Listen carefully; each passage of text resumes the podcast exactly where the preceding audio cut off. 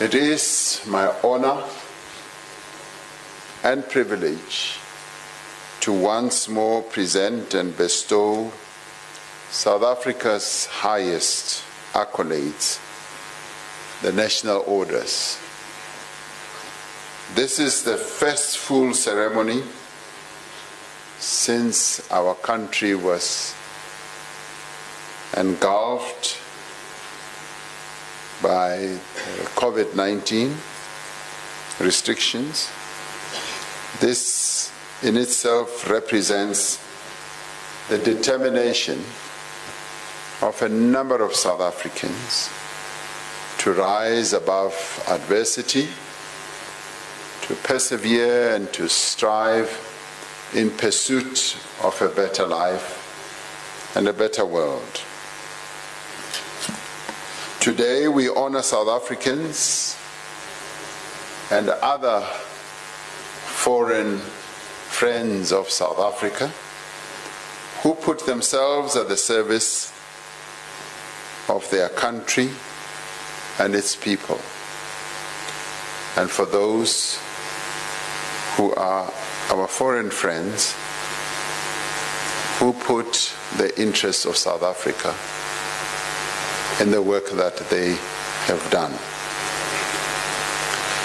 They have emerged from a process that involved the receipt of nominations from across the length and the breadth of the country, reflective of the broadly participatory nature of our honors.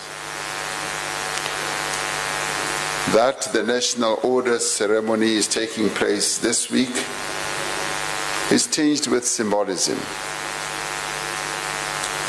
Symbolism that has a lot to do with what we have built as South Africans since 1994. On Thursday, the 20th of April, I received a state visit from President Hage Geingob the president of Namibia, the land of the brave, who graced us with his presence here in South Africa. Through that visit, we were able to recall the struggles that the people of Namibia waged against the evil system of apartheid. And we were able to recall how we were together in the trenches struggling against apartheid. And we were overjoyed when they triumphed against the colonialism that had been imposed on them and their struggle against apartheid. They also rejoiced when we triumphed in 1994 against apartheid. On Tuesday, the 24th, 25th of April, I received a state visit from the President of the Republic of Finland, His Excellency President Sauli Niinisto. It was a welcome opportunity for us not only to reaffirm the importance of the bilateral relationship between Finland and South Africa, but also to thank the noble Finnish people for all they did to support South Africa's liberation struggle. A day later, on Wednesday, the 26th of April, we received the sad news that our beloved Harry Belafonte, a towering figure in the civil rights movement and a great friend of South Africa, had passed away. In 2008, Harry Belafonte received the Order of the Companions of O.R. Tambo in recognition of his role in sustaining a cultural boycott against apartheid South Africa. As much as we are saddened by Mr. Belafonte's passing and once more pay tribute to his legacy, as South Africans, we are comforted by the fact that we were able to extend our appreciation to him in his lifetime.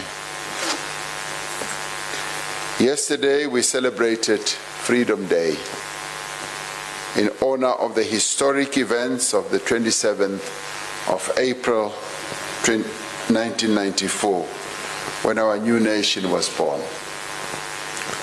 In different ways and in different contexts, the men and women we honor here today all contributed towards the freedom that South Africans enjoy today. They did what they did, said what they did say, and acted the way they did, not for prestige or for fame, not for recognition or reward, but because it was the right thing to do. And they managed to do the right thing. And that is why we are honoring them today. In doing the right thing, their actions had a lasting and enduring impact and live on long after them what they did and live long after those who may have passed on. Those who are receiving national awards embody the founding values of the South African Republic, namely the achievement of equality, the advancement of human rights and freedoms, and perhaps most importantly, human dignity. The Order of Mendi for bravery is made to South Africans to dis who displayed the greatest courage in trying to help others. All three of this year's recipients of the Order of Mendi for bravery lost their lives in the cause of saving others, there can be no greater sacrifice. The Order of Luthuli is awarded to South Africans who have contributed to the struggle for democracy, human rights, nation building, justice and peace, as well as for the resolution of conflict.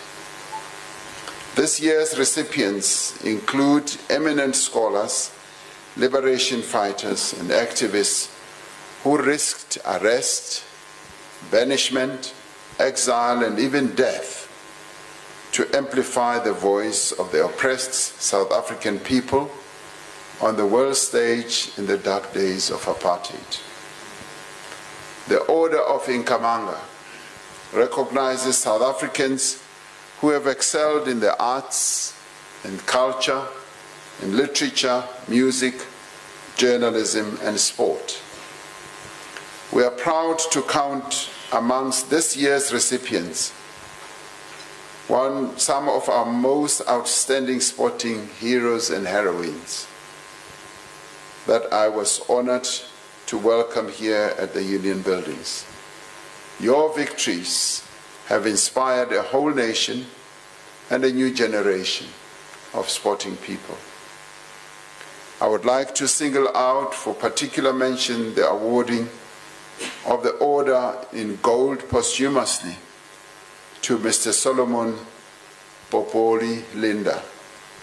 Even though his music was famous throughout the world, he never received the dues that were due to him in his lifetime. As the democratic government, it is our humble wish that his honor will restore the dignity of Mr. Linda and give comfort to his descendants. And that was President Cyril Ramaphosa. Some of the other recipients include uh, Siya Kolisi, Desiree Ellis, Tracy Chapman, and uh, of course Umfundi Vundla as well.